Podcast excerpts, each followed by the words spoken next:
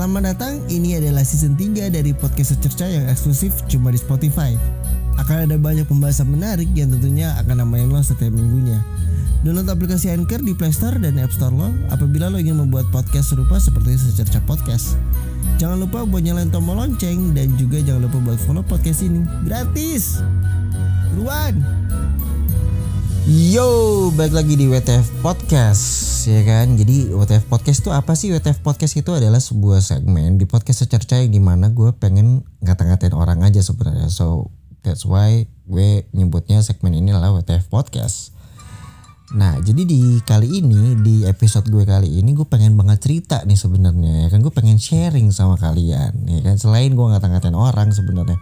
Jadi gue tuh sering banget kayak apa ya kayak update kontak WhatsApp gue. Lo pernah gak sih kayak update kontak WhatsApp gitu tuh? Jadi orang-orang yang udah nggak relate sama gue plus udah nggak nggak gue butuhin dalam tanda kutip uh, informasinya sih biasanya biasanya bakal gue hapus nih. Karena WhatsApp ini kan sifatnya pribadi dan gue nggak mau aja jadi kayak tempat kumpul semua orang yang udah nggak relate lagi sama gue gitu kan. Apakah itu pertanda dari gue adalah orang yang sok dibutuhkan? Jawabannya nggak sama sekali sih. Ya gue cuma pengen punya hubungan dengan orang yang berhubungan sama gue aja di WhatsApp tersebut gitu kan yang kayak tadi gue bilang bahwa WhatsApp ini sifatnya pribadi gitu. Kalau misalkan udah nggak ada hubungan apa-apa ya udah buat apa gue masih nyimpen gitu kan? Toh kita masih follow follow di, di di Instagram dan bagi gue Instagram itu masih umum lah gitu. Semua orang masih bisa follow cuma kalau untuk WhatsApp pribadi kan jatuhnya sangat sangat personal.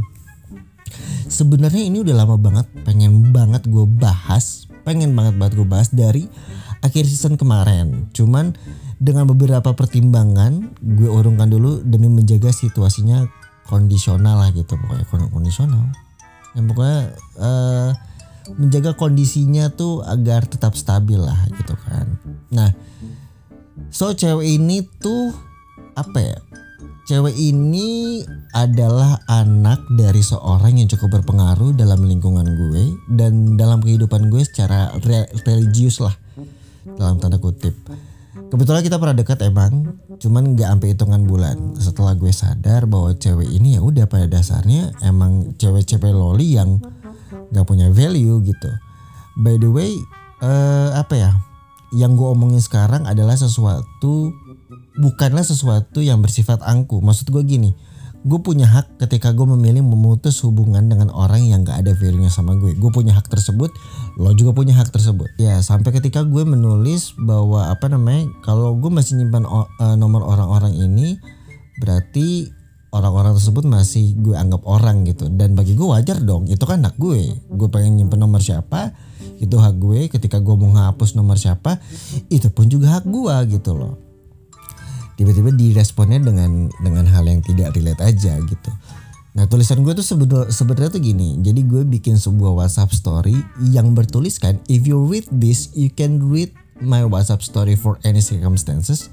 Chill, you are safe. I am on your side and I am your ally. Lalu tulisan itu gue taruh di WhatsApp story gue dan gue tulis juga di caption dengan kata-kata seperti ini. Seperti biasa, orang-orang yang gue simpen di nomor ini berarti gue masih anggap orang plus temen personal. Ingat ya, temen personal. Kalau gak bisa baca WhatsApp ini berarti ya udah gitu loh. Jadi kan bagi gue ya ya udah kita lanjut dulu deh. Nah responnya itu kayak apa ya? Responnya si cewek ini tuh malah kayak anak SD yang baru belajar julid tau nggak? Kurang lebih tulisan dari si cewek tuh kayak gini. Ini da dari tulisannya aja alay banget gitu. W gue maksudnya gue kadang suka heran sama orang yang update begini kok pede abis ya? Emot ketawa. Jangan merasa paling dibutuhkan apalagi yang gue atau gue tahu lu benalu dan mau kondo abis. In the real universe gue dibutuhkan di mana-mana. Jadi kalau lo bilang gue merasa dibutuhkan gue balik nanya nih sama lo kontribusi lo apa buat society lo? Kalau emang lo menganggap gue merasa dibutuhkan terus apa kontribusi lo buat society lo?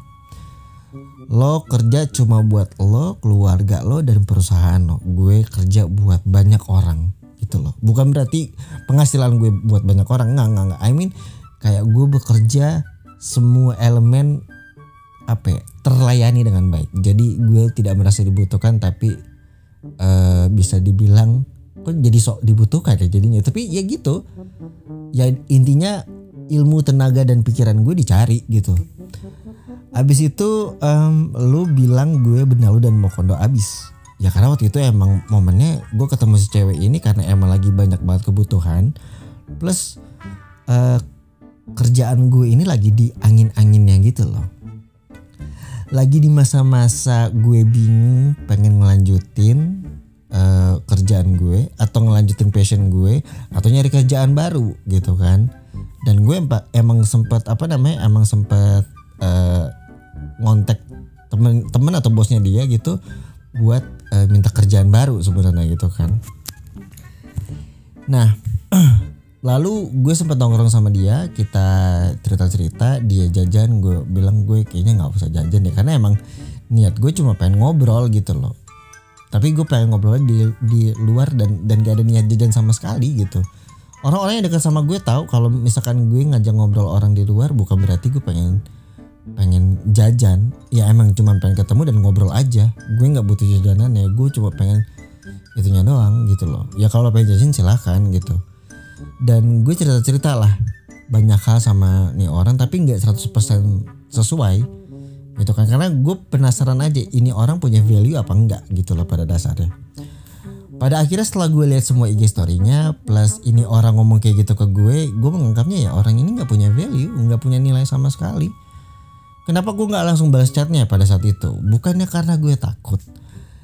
Jadi pertanyaan buat gue uh, buat apa gitu loh? Nggak ada nggak ada artinya gue harus menambah masalah dan menambah masalahnya itu dengan orang-orang yang lawan bicara gue itu adalah orang yang gak punya nilai. Jadi buat apa gitu dan kenapa gue akhirnya bikin uh, episode ini? Karena gue shock aja ketika dia bikin IG story tentang ini nih. Dia nulis attitude bukan tentang lebih tua atau lebih muda tapi memanusiakan manusia. Untuk dihargai juga harus menghargai manusia lainnya. Yang pertama kayak yang tadi gue bilang statementnya kayak anak SD yang baru belajar julid Attitude bukan tentang lebih tua atau lebih muda. Yang pertama lo harus ngerti dulu nih apa artinya attitude ya kentut gitu. Jadi attitude itu adalah sikap atau perilaku. Jadi kalau lo menambahkan kalimat bukan tentang lebih tua atau lebih muda kayaknya nggak cocok deh. Menurut gue lo kayaknya harus belajar lagi dalam menyusut kalimat sebagaimana mestinya. Kenapa? Sikap itu bukan perilaku yang mendasari sebuah respon. Jadi yang benar adalah attitude bukanlah tentang kedewasaan itu kalimat yang benar bukan lebih tua atau lebih muda. Dan sebenarnya masih kurang tepat juga menggunakan kata attitude dalam kalimat tersebut. Karena lo nggak perlu menggunakan kata-kata tersebut ketika lo ingin memanusiakan manusia. Bukan soal umur memang betul, lo benar. Tapi emang nggak cocok aja. Jadi kalau lo mau memanusiakan manusia, lo nggak perlu kaya, lo nggak perlu jadi pemeluk sebuah agama. Karena untuk memanusiakan manusia, lo but yang yang lo butuhkan dalam memanusiakan manusia adalah kedewasaan dan kematangan dalam berpikir. Inilah kenapa kalau misalkan lo bilang gue sok paling dibutuhkan, literasi gue dicari orang gitu loh. Lanjut ke paragraf berikutnya, untuk dihargai juga harus menghargai manusia lainnya. Gue pengen nanya, lo butuh banget sebuah validasi sampai lo minta dihargain. Kalau lo gak dihargain, yang harus lo lakukan adalah lo sadar kalau lo gak punya value, bukan validasi. Jangan menuntut orang untuk menghargai lo.